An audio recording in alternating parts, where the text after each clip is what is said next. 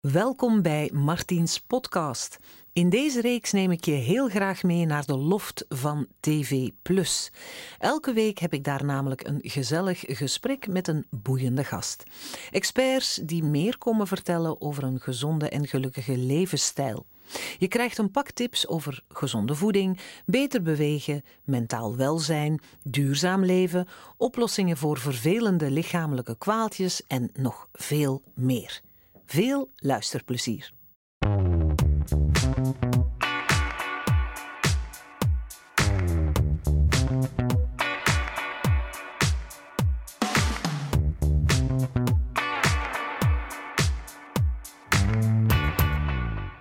Aloha, blij dat jullie er weer bij zijn vandaag. Welkom bij Martiens. Vandaag gaan we het hebben over hoe we onze spruiten zo gezond mogelijk kunnen doen eten. En dat is niet altijd even evident. Kijk maar. Lemon? Thank you. I like it. Do ya? Yeah. We don't like it. Oh my god, oh my god.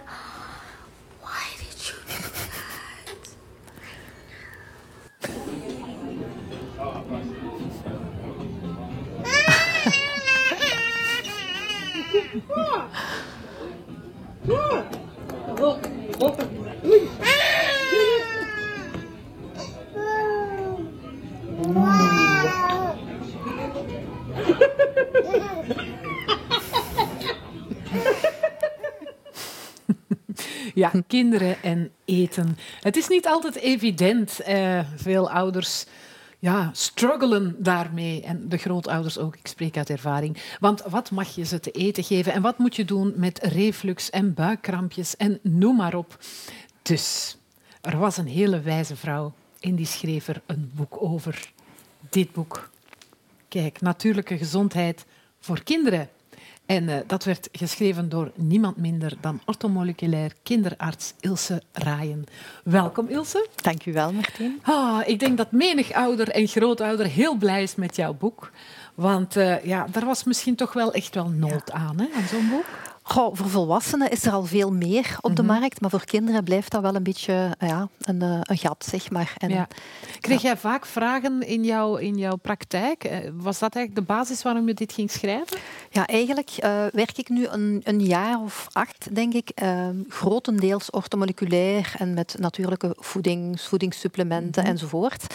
En ehm, ik merk dat heel veel mensen daar inderdaad naar aan het zoeken zijn. En dat betekent dus dat mijn, mijn wachtlijsten uitbreiden en dat ik zocht van een manier om dat wat breder te kunnen uitdragen. En dat is eigenlijk de reden waarom ik ja, dat boek geschreven heb, in de hoop dat men dan daarmee verder kan en ze mij zonder meer nodig hebben. Ja, want jij bent echt de weg van de natuurlijke kindergeneeskunde ingeslagen. Dat is niet de meest voor de hand liggende, denk ik. Hè? Nee. Hoe kwam het dat je dat ging doen in plaats van traditioneel? Ja, nu, ik heb natuurlijk eerst ook 15 jaar gewoon traditioneel gewerkt. Hè. Ik heb eh, een klassieke opleiding gehad, hè, 12 jaar kindergeneeskunde. En ehm, ja, eh, met echt zieke kinderen zijn we natuurlijk heel dankbaar dat we die medicijnen hebben. En zijn die soms ook echt wel levensreddend. Maar als je dan op de gewone werkvloer staat in je praktijkje in een dorp, dan zijn dat niet die uitermate zieke kinderen die je over de vloer krijgt. En dat zijn dat heel vaak klachten van ja, chronisch hoesten, diarreeklachten, ehm obstiep, dus verstopping eigenlijk al eh, jarenlang, of, of reflux bij een baby. En ja, daar kunnen wij eigenlijk in, met onze klassieke opleiding ook niet zoveel weg mee. Hè. Dus Nee, we- omdat je dan vaak de symptomen gaat Ja. aanpakken, maar de oorzaak niet, Ja, bedoel je? dat klopt. Dat is echt een behandeling van symptomen met een chemisch middel om dat symptoom weg te duwen, maar je gaat niet naar de oorzaak. Nee. En zolang als je dat niet beïnvloedt, dan, blijft, dan is dat geen afdoende oplossing en blijft dat ook terugkomen. Ja.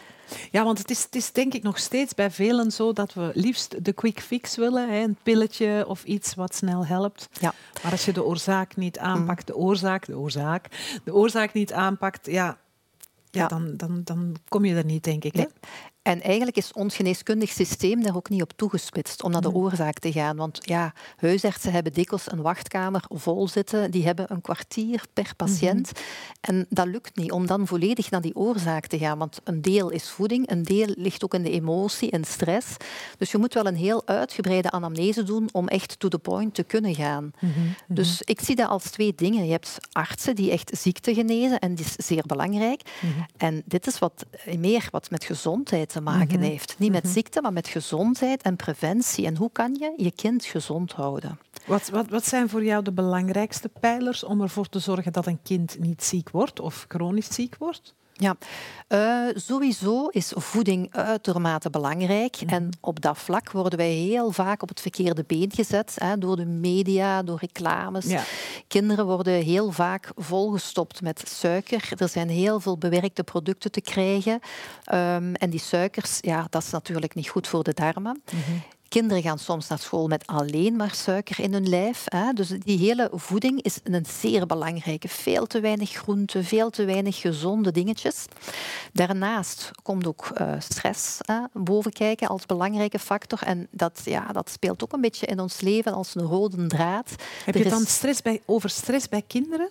Ik heb het ook over stress bij kinderen, ja. zelfs al bij baby's. Wow. Ja, op en bijvoorbeeld hoe, hoe een... zie je dat? Omdat ze dan bijvoorbeeld een reflux ontwikkelen of, of, of krampjes? Of... Ja, dat kan een uiting zijn van stress. Hè. Dus uh, als je zelf stress hebt of je hebt je, je ontslag net gehad, dan lukt het niet om je maaltijd te verteren. Mm -hmm. Bij een baby is dat eigenlijk net zo. Hè. Dus uh, een baby die een traumatische geboorte heeft gehad, mm -hmm. dat kan een nasleep hebben. Hè. Dus die, die, die, die, dat, dat wordt opgeslagen in de hippocampus bij die baby. Dat is mm -hmm. in die hersentjes al aangelegd. En als die baby een situatie tegenkomt later in het leven die daaraan doet denken, bijvoorbeeld mama zet een mutsje op of een rompertje of het een of het ander, dan kan dat dat trauma gaan triggeren. Ja. En dat kan dan um, ervoor zorgen dat dat trauma herbeleefd wordt, dat die baby gaat huilen. Mm -hmm. En dan is het aan de mama om die baby proberen rustig te krijgen. Maar als die mama mee in de paniek is van oei, mijn baby die heeft een ziekte, die heeft reflux, dan wordt die stress eigenlijk nog gevoed. Ja. Ja, en, enfin, dus dat is dus... en het kindje heeft absoluut een lijntje met de mama. Hè? Dat, naar mijn gevoel duurt dat hele leven. Ik heb volwassen kinderen, maar ik ja. voel dat lijntje nog altijd. Maar ik vind het wel heel grappig dat je dat zegt van dat geboortetrauma. Ik heb dat altijd bij mijn zoon gedacht, wat een hele grote baby was. Dat was een hele zware geboorte en bevalling. Die heeft het ook echt benauwd gehad. Die heeft een hekel aan kooltruien. Ah, ja. Zoiets wat heel strak over zijn hoofd Ja. moet. Ja. Dat wil hij niet. Is dat dan eigenlijk ook een soort van geboortetrauma? Van, oh Ja. nee, Wie daar zal het zijn we zeggen? weer, daar Wie zijn zal we het weer. Ja. Ja. Zeg, Ilse, eventjes een vraag. Wat zijn nu de, de, de meest voorkomende, steeds terugkerende vragen van ouders die bij jou komen Ja. met hun kind? Goh, dus bij baby's is dat heel veel huilen, slaapproblemen, refluxklachten. Ehm, bij kleinere kindjes veel eh, terugkerende infecties, keel, neus, oorinfecties, continu slijmen, continu verkoudheden, luchtwegklachten, astmaklachten, eh, diarree, verstopping, eczeem. Oh, eh, stop, het is een hele lijst. ja, ja. En wat, hoe ga je dan dat eerst aanpakken? Want als je holistisch naar dat kind kijkt, hè, en, en het gaat ook over hoe het leeft, de stress daaromheen, misschien de mama en de papa die eventjes niet goed in hun vel zitten, noem maar op. Niet dat de schuld altijd bij de ouders liggen, ligt, maar hè, stress kan daar toch een beetje mee te maken hebben.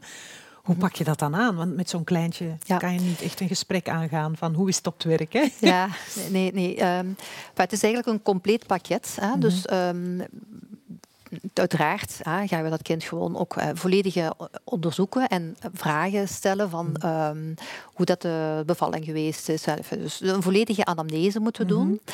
En dan... ehm, als je dan eraan komt van ja, waar ligt de oorzaak nu? Dat bij bijvoorbeeld een kind met heel veel eh, luchtweginfecties, keel, neus, oren, heel veel slijmen.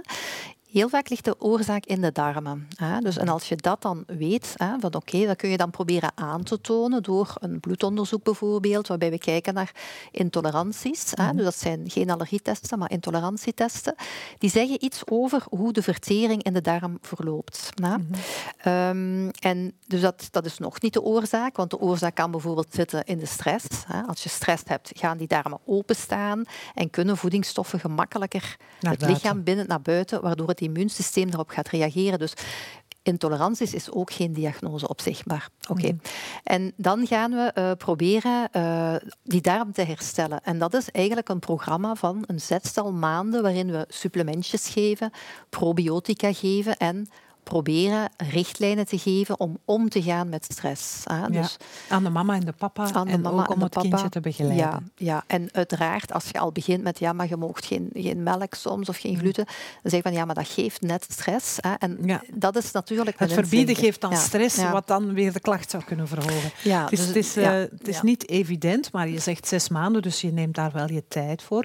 Ehm, Ik weet uit, uit wat ik om mij heen hoor, dat, dat ouders bijvoorbeeld ook heel panisch kunnen reageren op koorts. Nu, als Mm. gezondheidsbegeleider Mhm. weet ik dat koorts een functie heeft, maar hoe, hoe bekijk jij dat als arts? Ehm, eigenlijk, koorts hoeft niet altijd onderdrukt te worden. Dat Mhm. is een beetje bij ons zo. hè, want, eh, koorts is niet goed. Koorts moet zo snel mogelijk naar beneden. Ja. En kindjes krijgen heel veel medicijnen om die koorts te onderdrukken. Ehm, maar als uw kindje bij die... Heel vaak hebben die rapkoorts en blijven die eigenlijk toch nog Hebben ze spelen. geen last van? Ja. Weinig last ervan. Die eten minder, maar die eten nog. Ze drinken nog goed. Dus dat zijn allemaal geruststellende dingen. En dan hoef je niet per se die koorts te onderdrukken, want dat virus, of wat het dan ook is, dat doodt ook sneller af met een lichaamstemperatuur die wat hoger is. Dus dat heeft ook zijn functie. Welke lichaamstemperatuur is dat? Tussen 38 en 40? Ja, eh, achten, ja. in- in- Dat is de beste koorts om, om eh, on- onnodige bezoekers eh, ja, de kop ah, in te, de in te kleine slaan. kinderen zeg ik zelfs 38,5 eh, fi- tot 40 jaar. Ja, ja, Ja, ja. ja. ja. ja. dat is die altijd een beetje een, moet daar altijd voorzichtig mee zijn met dat soort dingen. Hè, dat je niet op je... Nu, ehm, dus koorts heeft zijn nut, moet niet te hoog zijn. Als het kind lamlendig is en gaat hangen en Ja. slaperig is, dan moet je Dan, natuurlijk ja, wel ingrijpen. Ja, hè. ja, ja. Wat ik ook in jouw boek heb gelezen, is dat ehm, kindjes die geboren zijn met een keizersnede, dat dat ook bij die babytjes en bij die kinderen later problemen kan eh, opleveren. Kan je eens uitleggen hoe dat komt? Ja, dus als je, met, eh, als je vaginaal geboren wordt, dan Mhm. krijgt die baby al probiotic, de goede darmbacteriën mee die in de vagina zitten. Dat zijn Mhm. lactobacillen en zo. Ja. Dus die lactobacillen die helpen bij de vertering van de voeding. Hè. Ja. Als een kind nu via de huid geboren wordt, via een keizersnede, Ja. dan, en men heeft daar onderzoek op gedaan, dan ziet men dat in die darmen, dat die bacteriën, dat dat vooral huidbacteriën zijn. En die doen helemaal niks op, op vertering. Hè. Dus, en men heeft hè, ook in studies kunnen aantonen dat je dan een hoger risico hebt op het ontwikkelen van eh, allergische aandoeningen en astma en eh, atopische klachten. En wat zou je dan zeggen? Dan best als je kindje, hè, want er zijn ongetwijfeld mama's en papa's die aan het kijken zijn, die weten dat hun kind met een keizersnede is geboren en denken, ja, die heeft inderdaad zwakke darmpjes of die, hè, die heeft snel eh, problemen met de spijsvertering. Kan je dan bijvoorbeeld zeggen, eh, zelfs preventief van ga een probioticum geven, wat extra goede darmbacteriën aan zo'n kindje op maat van, de, van de leeftijd van het kind Ja, natuurlijk? uiteraard. Kan je zeker doen. En dat is ook hetgeen wat ik altijd wel adviseer, om daar Mhm. vroeg mee te starten en dan goede stammen voldoende hoog Mhm. te geven. Ja. Ja. Nu, we hebben het over dat vaginaal kanaal. Ehm, is het ook niet zo dat reflux daar soms ook ontstaat, omdat kinderen, omdat er te veel aan getrokken wordt, waardoor dat het klepje dat, Mhm. eh, dat eh, eh, het, de maag afsluit, dat dat niet goed meer sluit en dat daardoor de maagstappen naar boven komen? Ja, Lees op, zich is dat niet volledig de reden, maar het is wel zo, als een kind klem gezeten heeft of zo, of Ja. ze trekken daar hard aan, dan kan dat een structurele probleem geven in de nekwervels. Ah. kan ook zijn dat het middenrif geblokkeerd geraakt. Ja. En dat maagklepje, dat is eigenlijk bij elke baby nog niet echt functioneel. Dat sluit sowieso niet goed af. Mhm. hè. Maar dus die andere structurele problemen van de nek en het middenrif, die kunnen opgelost worden bijvoorbeeld door het naar een osteopaat Ja. te gaan. Ja. En, en, en dus eigenlijk gaat het er dan over dat het vooral in de nek is dat er een probleem zit, niet zozeer bij dat klepje, maar doordat de nek verkeerd zit, misschien ook het klepje niet goed sluit Ja, dat is- ouder, als ze ouder worden. Mm, dat, dat, dat durf ik niet zeggen. Ah, het is meer doordat dat, de nervus vagus die loopt daardoor. Ah ja, en de nervus vagus die bezenuwt ook dat hele gebied en die maag. Dus en als, daar, als die klem zit, dan werkt die functie van die maag ook niet goed.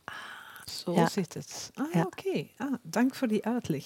Nu, we hebben het gehad over, hè, over, over allerlei eh, aandoeningen en koorts en, en darmen. En, maar je hebt natuurlijk een boek geschreven ook over de voeding voor die kinderen. Hè. Als orthomoleculair arts ligt dat Mhm. jou na aan het hart, daar ben ik van, van overtuigd. Nu, ehm, Je zegt ook dat het belangrijk is, zelfs tijdens de zwangerschap, ook al daar goed Mhm. op de voeding te letten. Nu, elke toekomstige mama, denk ik, wil dat zo gezond mogelijk doen. Maar eh, waar doel je dan precies op? Ehm, als je kijkt naar een baby, dat is dan ehm, ja, gevormd uit een zaadcel en een eicel. En dat zijn zo'n beetje de fundamenten van je huis dat je gaat bouwen, zeg maar. En als die fundamenten al kwalitatief niet goed zijn, dan Ja. Kan, kind, kan je bijvoorbeeld ook al slechte darmen meegeven. Hè? Dus die Ah, je hebt het dan eigenlijk zelfs al voor de zwangerschap. Ik dus- heb het al voor de zwangerschap. Eigenlijk ja, dus de, de vorming van uw eicellen en uw zaadcellen. Dus je zou best toch vier maanden, zes maanden van tevoren toch beginnen met een gezonde levensstijl, Mhm. zodanig dat uw, uw cellen gezond zijn. Mhm.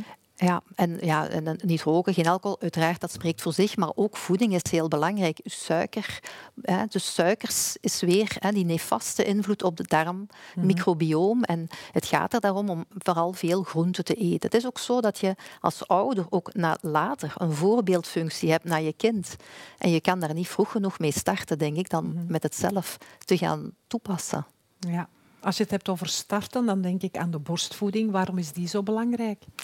Goh, borstvoeding, daar zit eigenlijk alles in wat een baby nodig heeft. Dat is echt eh ongeëvenaarde superfood, hè, wat ook nog soort eigen is. Hè. Dus voor de mens, borstvoeding. Het is logisch dat dat eigenlijk van de mens het best kan komen. Dus dat, daar zitten alle stoffen in voor de afweer. ehm, en dat verandert ook continu. Hè. Dus als mama een griepje krijgt, dan geeft ze gelijk die afweerstoffen ook aan haar kindje. Dat heb je natuurlijk niet met flesvoeding. En er zijn nog heel veel andere stofjes die erin zitten, die de immuniteit, dus de weerstand van een kindje verhogen. Verder is het ook een heel belangrijke functie, omdat dat de hechting bevordert met mama. Als een baby aan de borst drinkt, dus dat huid-op-huid contact, zet oxytocine vrij, dat is het knuffelhormoon, dat zorgt ook voor ontspanning. En dus het heeft meer functies dan alleen maar dat stukje voeding. Het is eigenlijk voeding breder gezien. En, en wat nu als de borstvoeding niet lukt? Ja, het is niet zo dat dan alles foutu is, gelukkig. hè. Dus ehm, er zijn ook wel eh, tegenwoordig goede kunstvoedingen die ehm, aangepast zijn en waarbij men probeert de samenstelling van borstvoeding na te bootsen, maar helemaal, dat lukt gewoon niet. Maar goed, het is al verbeterd ten opzichte van vroeger. Hè. Dus de eiwitten zijn naar omlaag gehaald en men probeert toch een aantal goede stappen te doen, ook met toevoegingen van probiotica, van prebiotica, van goede vetzuren. Dus dat, dat, is niet dat dat, dat dan alles op zeep is, zeg Ja. maar. Hè. Dus dan, ja, Ja, hè, je hebt het dan vooral over, hè, de, de meeste van die poedermelken zijn gemaakt uit koemelk. Hè? Klopt, hè? Daar, Ja. kom- daar komen ook veel reacties bij. Hè? Dat inderdaad die lactose, de suiker uit de melk, de eiwitten Ja. uit de melk, dat dat heel zwaar is voor een babytje om dat te verteren.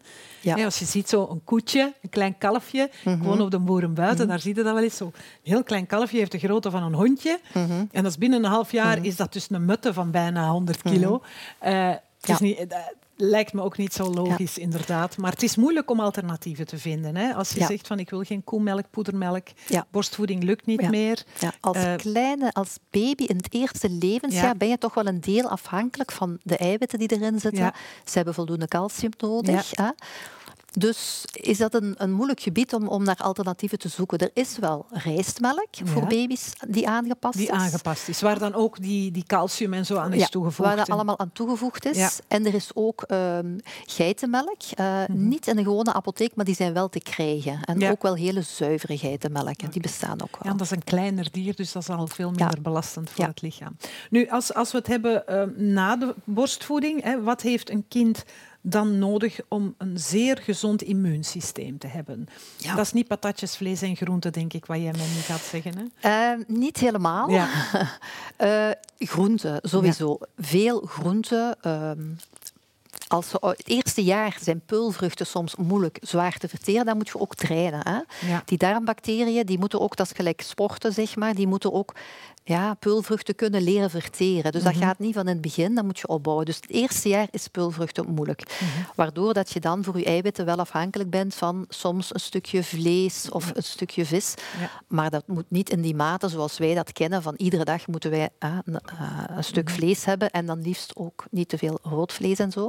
Maar dus de hoofdzaak is eh groenten want, en vezels. Hè. Dus vezels uit de groenten, dat is eigenlijk de voeding voor onze darmbacteriën. Dat, Ja. We noemen dat prebiotica.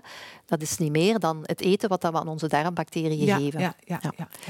Dus dat, is- dat, is- dat is een hele duidelijke. Veel groenten op het bord van onze peuters en kleuters en ja, eigenlijk voor de rest van ons leven. Hè. Maar ja, in theorie is dat nu makkelijk om dat te zeggen, maar in de praktijk, dat is soms moeilijk. Ik vond daar een heel leuk filmpje over. What did you say? What? I don't know what you're saying. What? Marshmallow? You have to eat food. Well, I don't want to give you marshmallow. Heeft hij het toch al gehad, hè? Are you done? Well, wh- what else can I do for you? En een kleinzoon doet net hetzelfde als hem kwaad is. Als hem bokkig is, praat hij ook zo. Chips? No, you have to eat food. Ja. Anything else? What? I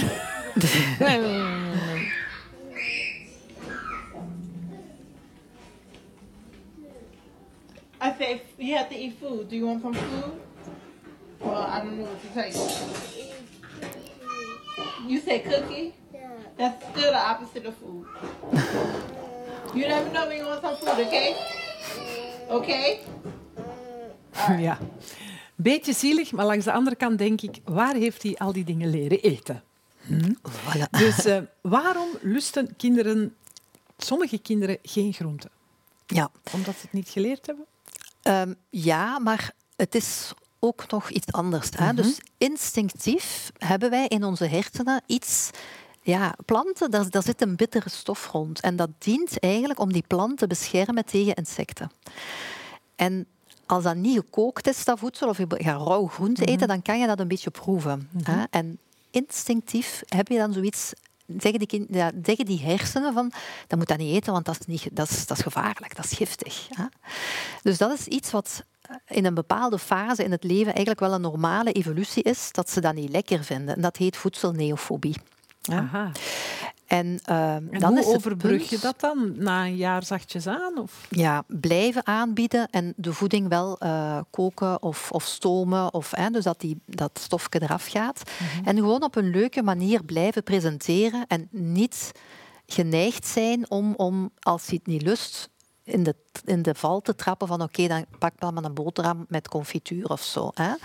Eh, dus want dan ga je suikers geven en suikers lusten ze heel graag en suikers werken ook verslavend. Hè. Dus dat triggert in de hersenen ehm, bepaalde centra die dopamine afgeven. En dat is verslavend. Is het dat waar, waar we allemaal zo hoekt aan zijn, aan die, aan die dopamine-release nadat we suiker hebben gegeten? Is het dat? Dat is een belangrijke. En in onze darmen zitten ook schimmels. We hebben allemaal schimmels in onze darmen. De candida is een hele gekende. En die candida die heeft heel graag suiker. Dus die voedt zich met suiker. En die zal, als die goed woekert, ook wel je Daarom doen vragen. kreven naar suikers. Ja, ja, Ja. Ja. En toch, ik, ik, eh, ik heb zelf een kleinzoon en die, eh, die snoept bijna nooit, maar zo heel af en toe wel eens. Mag dat? Tuurlijk mag dat. Ja, ik heb het dus nu aan de dokter gevraagd. Dus mag. Maar, maar ehm, ja, het is wel zo dat, dat eh, kindjes zien dat dan. Ze gaan dan naar school. Ze hebben nooit gesnoept en ze gaan dan naar school. En daar zien Ja. ze dan kinderen die een donut meekrijgen naar school, Ja. bijvoorbeeld. Ja, ik vind dat tenen krommend, maar... Ja, het is heel moeilijk om, om...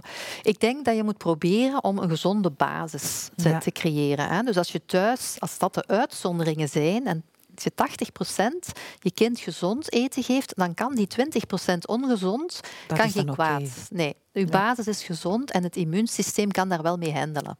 Wij hadden vroeger maandag chocodag bij ons thuis. Bij mij is dat begonnen op de dag dat ik ehm, in de boterhammetrommel van mijn zoon geen bruine, maar witte korstjes met choco vond. ik had dan heel braaf bruine boterham met gezond beleg meegegeven, Ah, ja. zelfgemaakte salades, noem maar op. En ik vroeg toen wat dat was en toen zei hij, ja, maar de Jorn vindt die boterhammen die jij maakt heel lekker en ik vind zijn en wij ruilen die. En toen hebben we daar maar een, een, een maandag chocodag van gemaakt. Dat was dan ook de moeilijkste dag, want dan moest je weer naar school, na Ja. een lang weekend spelen. En eh, dat werkte wel. Dus af en toe moet lukken. Ja, Ja, absoluut. Ze moeten ook, En wat, en wat met melk? Tot wanneer mogen kinderen volgens jou best melk drinken? Ja. Misschien eerst borstvoeding? Ja, als dat kan, is dat natuurlijk het beste. En Ja. dat mag eh, exclusief tot zes maanden, daarna groente, fruit. Maar je mag borstvoeding blijven geven tot twee jaar. Of, allee, Ja, ja. Dat is altijd een hele goede aanvulling. Ehm, lukt dat niet en zit je met koemelk, dan ehm, ja, van het moment als ze goed groente eten en, en een beetje vis en wat een beetje vlees eventueel, ehm, dan is die melk, die behoefte aan die eiwitten en dat calcium waar dat we daarvoor pakken, minder groot. Want de calcium uit groente wordt ook beter opgenomen dan de calcium uit koemelk. Ja. Dus dat is een veel betere bron. En eiwitten kunnen ze ook even goed uit die andere voedingsstoffen halen. Dus ik zou zeggen, zeker na twee jaar is dat niet meer nodig om melk van een koe te drinken. En dan raad ik dat eigenlijk ook wel af. Oké. Ehm, ik ga dat nog eens herhalen. calcium uit groenten neem je beter op dan calcium uit koemelk. En je bespaart daar een hoop koeien en kalveren veel leed mee. Dat wilde ik even zeggen. Sorry dat- hoor, dat was even een kleine boodschap van mij. Nu, ik ben zelf vegan, misschien daardoor dat ik dat fijn vond om dat te herhalen. Kan je je kind ook veganistisch opvoeden? Ja. Ehm, dat, ik, ik, dat kan Ik weet dat wel. dat een moeilijke is, Het is een moeilijke. Ja. Het kan wel, maar het is een moeilijke als je al geen goede start hebt. Dus als Mhm. de darmen al om zeep zijn, die, dat darmmicrobioom is niet oké, Ja. Dan lijkt me dat een hele moeilijke. Want dan verteer je ook niet goed peulvruchten en granen. Want dan ben je, je bent eigenlijk voor je volledige aminozuurprofiel afhankelijk van de peulvruchten en granen in je, in je vegan eh, voedingspatroon. Ja, ja, ja. Dus dat is een vereiste. Hè? Dus, maar als je darmen eenmaal goed opgebouwd zijn en je weet waar je mee bezig bent, dat is ook een hele Hele belangrijke. belangrijke. Hè? Je weet waar, waar eventuele tekorten kunnen zitten en je kan dat eventueel met supplementen doen. Gelijk B12 is daar Mhm. een voorbeeld van. Heb je zeker nodig en dat zit alleen in dierlijke producten. Hè. Mhm. Eh, het zit trouwens ook wel in plantaardige Er melk zijn wel wat, erbij. ja, er zijn, Ja. en er zijn ook wel wat planta er zijn ook wel wat groenten waar het in zit, maar het Niet het is veel, niet hè? zoveel. Nee, Niet genoeg. nee. Maar die plantaardige dranken, mag dat niet Mhm. melk noemen, maar drank, ehm, de niet-bio, die zijn Mhm. aangereikt vaak met calcium en met vitamine B12. Ja, dus, klopt. en dan is dat meestal wel genoeg. Maar als je dat niet doet, ik, ik- ja, ik zie regelmatig kindjes of ouders die vegan, veganistisch eten en ik zie regelmatig wel wat tekorten. Ja, dus we moeten gewoon zorgen dat de kinderen de juiste eiwitten binnenkrijgen, Ja. hè, de juiste proteïnes. Dus. Je moet gewoon zelf specialist worden in, in voeding. Ja. Nu, je zei het al, hè, eh, de ouders, kinderen, eh, eh, de ouders hebben een hele belangrijke voorbeeldfunctie. Vaak eten ouders en kinderen voor de televisie of snel, snel een bordje of zelfs staand bij het aanrecht in de keuken. Ja. Raad je iedereen aan om weer rond de tafel te gaan Oh, zitten? absoluut. Ik vind dat zo belangrijk. Mhm. Eten is een sociaal iets en je moet daar ook wel de tijd voor nemen. Mhm. Dus voor de tv eten, ja, dat is echt een no-go, want je bent niet met eten bezig. Mhm, Eh, je- een kind dat ziet eten, gaat ook eten. Dus je moet als ouder ook even smakelijk die broccoli eten als dat dat kind dat moet doen. Want als je als ouder dat niet lust en je zit daar met je kant-en-klare lasagne, kun je niet van een kind verwachten dat die spruitjes en pompoen gaat eten. Dus ja, Ja. zeer Oké. belangrijk. Ja. Er staat heel veel over in jouw boek. En je hebt ehm, hele lekkere ingrediënten meegebracht, heb ik gezien. Want we gaan een chia pudding maken. Dat was het toch, hè? Ja. Eh, we gaan even alles klaarzetten en dan komen we zo bij jullie terug met een heerlijk toetje.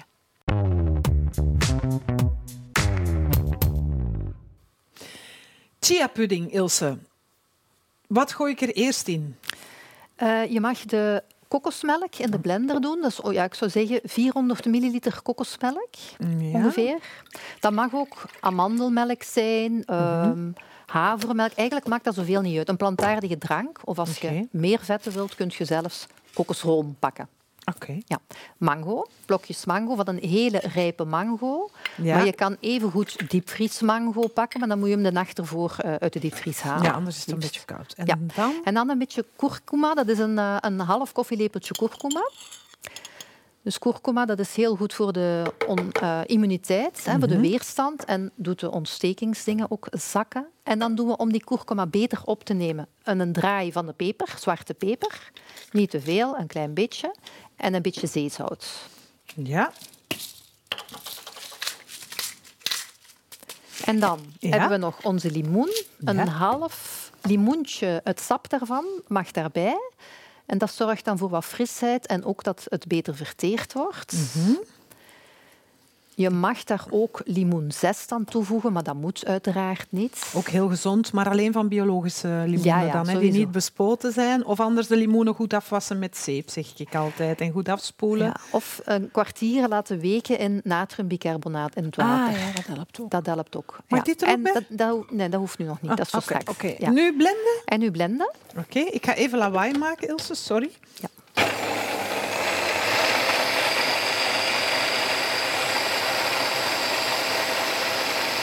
Ik denk dat dat al voldoende is. Ja. Ja. En dan eh, moet je het eh, in de, de kom met chiazaadjes doen. Dus, ja. Dus de kom en dan daar de... Oei, dat was nog een hard stukje. Ja. En dan de chiazaadjes. Chiazaadjes daarin mengen. Zes eetlepels ongeveer. Ja. Dit is geen recept uit jouw boek, maar dit is wel iets... Want je hebt geen recepten in je boek, hè? Nee, nee, nee. Dat is voor het nee, nee. volgende. Dat is voor het volgende, ja. Eén, twee, drie. Waarom is dat chiazaad toch zo goed? Chiazaad is, eh, bevat enorm veel goede stoffen, eh, mineralen, vitamine, roeren, mag niet Ja. klonteren. Ja. En omega-3 vetten dus dat, dat, en, en vezels. Hè. Dat is ook heel vezelrijk. Dat Mhm. neemt tien keer meer vocht op. Hè. Dus dat, eh, dat, dat, dat, dat zwelt helemaal. Dat is ook Ja. heel goed voor een goede darmfunctie. Dus bij obstipatie bijvoorbeeld. Mhm. En je kan er echt heel veel kanten mee uit met die pudding. Ik heb nu mango, even Dus dit is ook voor die kindjes die pijn in hun buik hebben, is dit een hele goeie. Ja, dat is een hele goede combinatie. Ja, die dit moet gaat in de ijskast. een nacht in de ijskast en dan zwelt die. Blijf jij zo lang? Ik heb me al voorbereid. al Kijk eens, we hebben er al eentje. En dan, is het, dan ziet het er helemaal anders uit. Ik weet niet of de camera het kan zien. Ja, Maar, dan heb je een wat stevigere Kijk, consistentie. ja, zie je? Dus dit is nog vloeibaar en dit is veel steviger. Ja. Mijn arm is ook stevig. En dan versieren? En dan kun je daar fruit op gooien ehm, en de framboosjes, En een eh, beetje muntjes erbij. ehm. Ja, ik wil dat nu mooi maken voor de camera. Hè. Maar die framboosjes... Want waarom eten kinderen dit? Dit is lekker zoet, zonder dat daar foute suikers in zitten. ja. Als je frambo ja, frambozen kunnen soms ook een beetje zuur zijn. Mhm. Wat ik soms, zeker als je diepvriesframbozen pakt, dan kun je het ook warm maken en met een beetje honing. eh, En dan krijg je daar zo'n coulietje op. Kijk eens, wat een mooi glaasje. Super. That's it. Ilse, heel erg bedankt. Eh, iedereen kan nalezen wat jij allemaal aan ouders, grootouders en eh, alle loved ones van kindjes aanraadt Ja. qua voeding. Als de kindjes wat groter zijn, kunnen ze misschien ook eens doorheen snuisteren. Dat kookboek, dat komt eraan, hè? Ja, daar gaan we werk van maken. Ja. Heel erg bedankt voor jouw komst. En jullie thuis, ik hoop eh, dat jullie zin hebben in lekker en gezond. En mag ik eens proeven? Ik ga gewoon Zeker. de chia pro- pudding proeven en zeggen... Mm. Mm. Dat is echt lekker. En inderdaad fris. Smakelijk. En tot de volgende. Doei.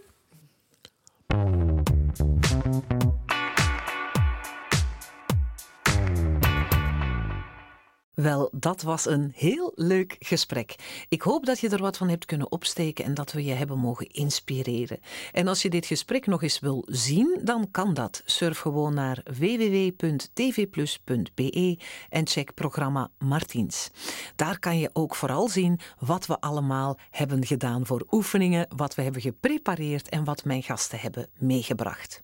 Je kan je ook abonneren op Martiens podcast. Zo mis je geen enkele aflevering. Tot de volgende keer. Doei!